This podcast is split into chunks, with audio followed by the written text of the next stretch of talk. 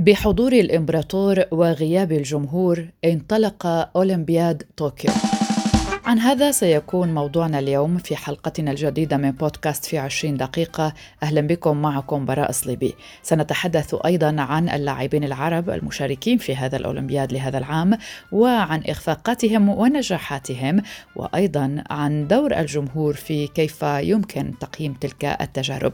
بعد تأجيلها سنة كاملة بسبب جائحة كوفيد 19 انطلقت يوم الجمعة الثالث والعشرين من يوليو تموز 2021 انطلقت الألعاب الأولمبية في مدينة طوكيو التي تستضيف هذا الحدث الرياضي الكبير للمرة الثانية حيث أعلن الإمبراطور الياباني ناروهيتو افتتاح الأولمبياد النسخة الاثنين وثلاثين من الألعاب الصيفية في الملعب الأولمبي وذلك وفقا للصيغة العريقة وكما فعل جده هيروهيتو في 1964 عندما استضافت طوكيو دورة الألعاب الأولمبية لأول مرة وكانت المرة الأولى التي تستضيف دولة آسيوية هذا الأولمبياد.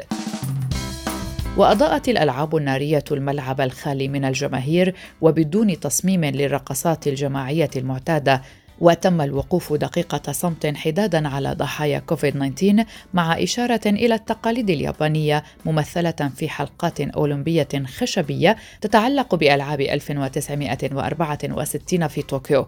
وسارت أعداد صغيرة تقريبا 20 من كل دولة في مسيرة الفرق وغادرت سريعا لتجنب العدوى.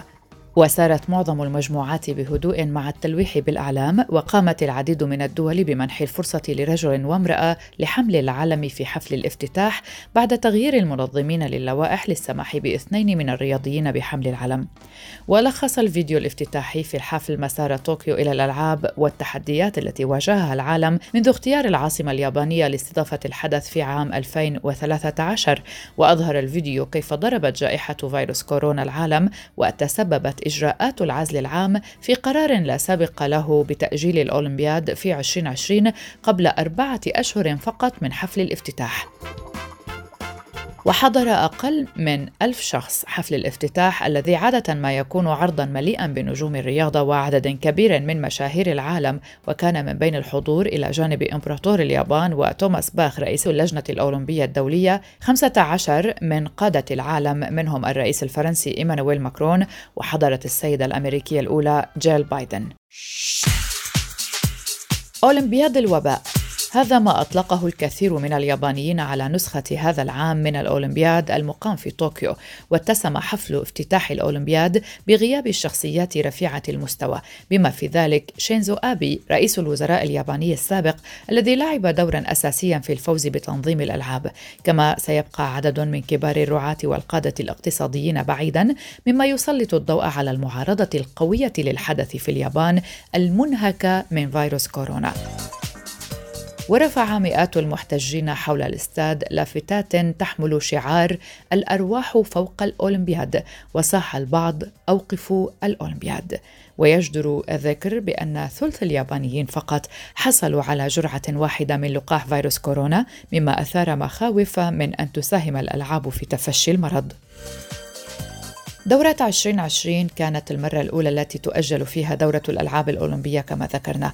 وعلى الرغم من أن أولمبياد طوكيو تقام صيف 2021 إلا أنه سيظل يشار إليها باسم أولمبياد 2020 فقد اتفقت اللجنة الأولمبية الدولية والمنظمون في طوكيو على أن تحتفظ الألعاب بجميع العلامات التجارية لعام 2020 مما يعني أن جميع اللافت والرسومات التلفزيونية والهدايا التذكارية والملابس وحتى الميداليات التي يفوز بها الرياضيون سيكتب عليها طوكيو 2020 وقبل انطلاق الدورة بشكل رسمي في الثالث والعشرين من يوليو تموز والمستمرة حتى الثامن من آب أغسطس كانت قد بدأت بعض المسابقات على غرار الكرة اللينة وبطولات كرة القدم للرجال والسيدات في الحادي والعشرين من الشهر المذكور أي تموز يوليو ما الرياضات الأولمبية الجديدة؟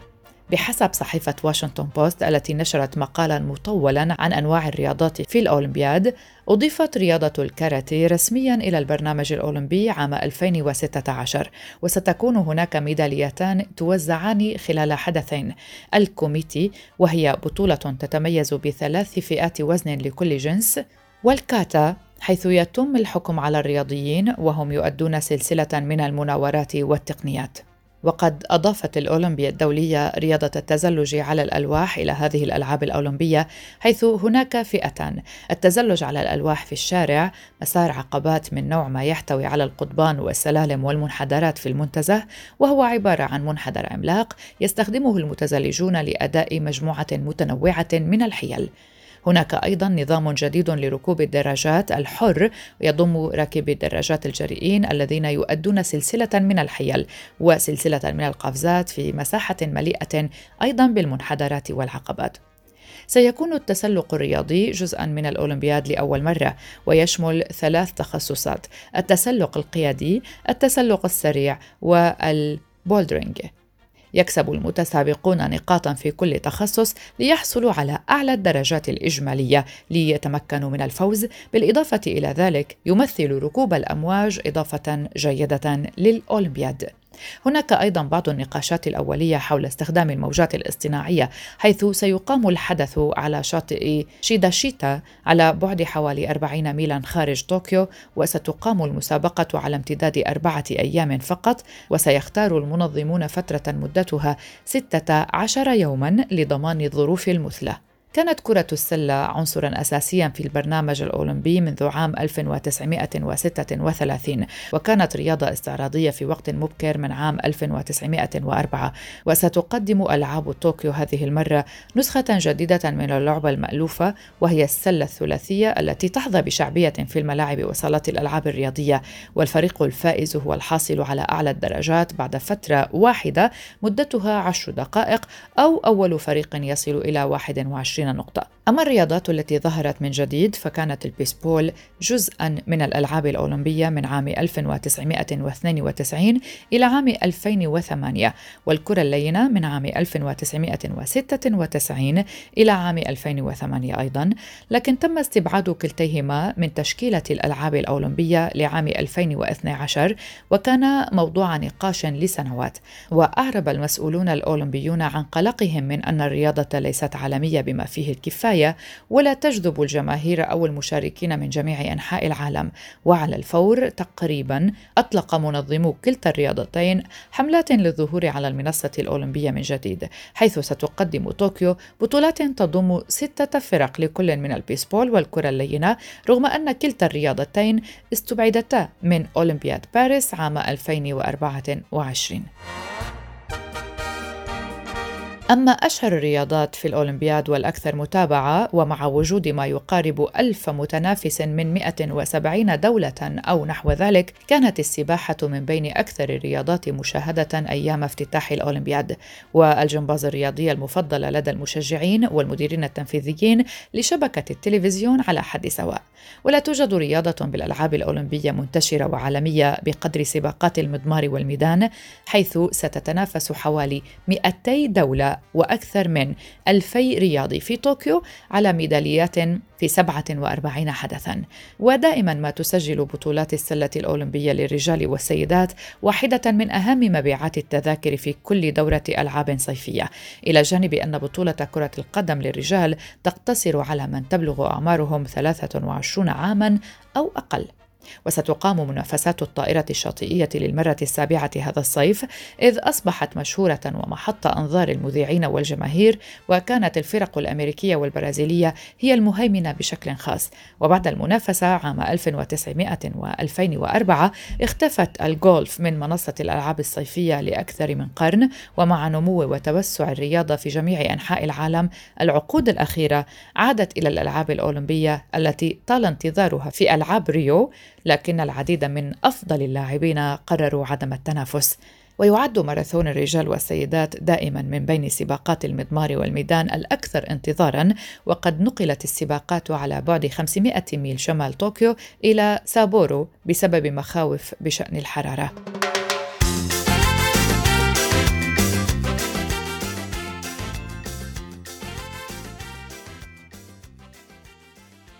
الآن سنتحدث عن الحضور العربي. مصر تشارك ببعثة هي الأكبر في تاريخها وتضم البعثة 134 لاعبا ولاعبة يتنافسون في 24 رياضة. وتتطلع البعثة المصرية في الحصول على ميدالية عبر فريق كرة اليد وإلى منتخب التايكوندو والخماسي إلى جانب تنس الطاولة علما أنه وفي هذه الرياضة يضم الفريق المصري هنا جودة التي تم وضعها في القائمة الأحتياطية تحسبا لإصابة أي لاعب.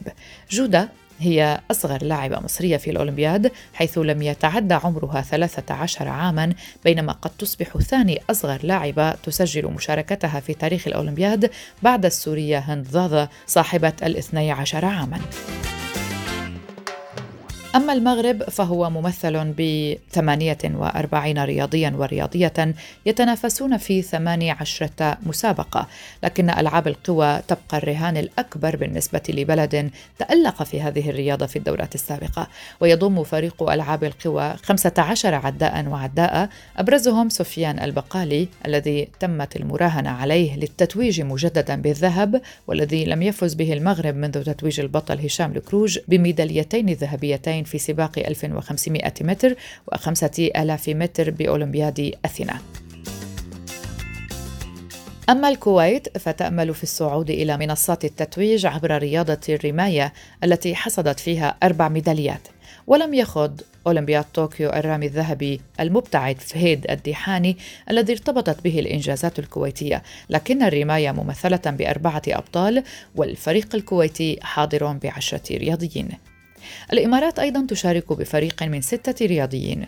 يتصدرهم سيف بن فطيس الذي يشارك للمرة الأولى في الأولمبياد بمسابقة رماية سكيت. ويشارك فيكتور سكورتوف في منافسات الجودو لوزن تحت 73 كيلوغرام بينما يشارك إيفان ريمارنكو في منافسات الجودو لوزن فوق ال 100 كيلوغرام.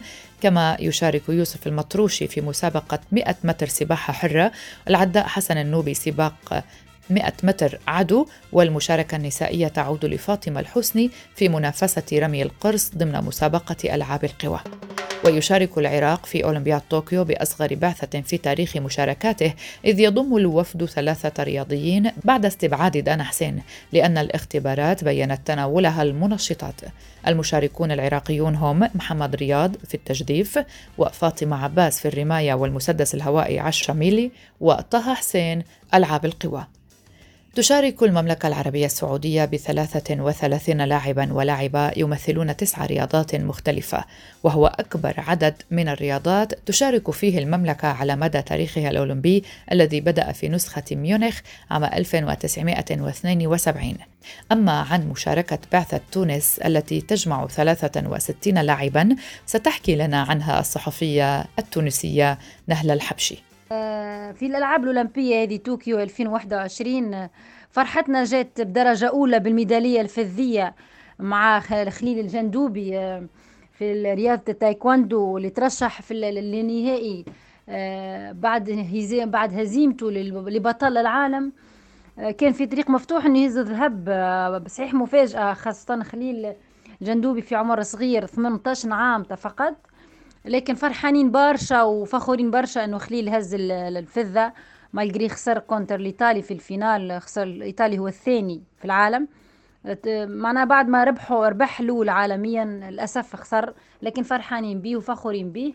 الفرحة ما ما, ما توالتش برشا بليتو وما ما بعدتش برشا. وجاتنا فرحة ثانية من محمد أينوب الحفناوي السباح التونسي السباح الشاب اللي ممكن برشا زاد باش باش ينسينا في أسامة الملولي.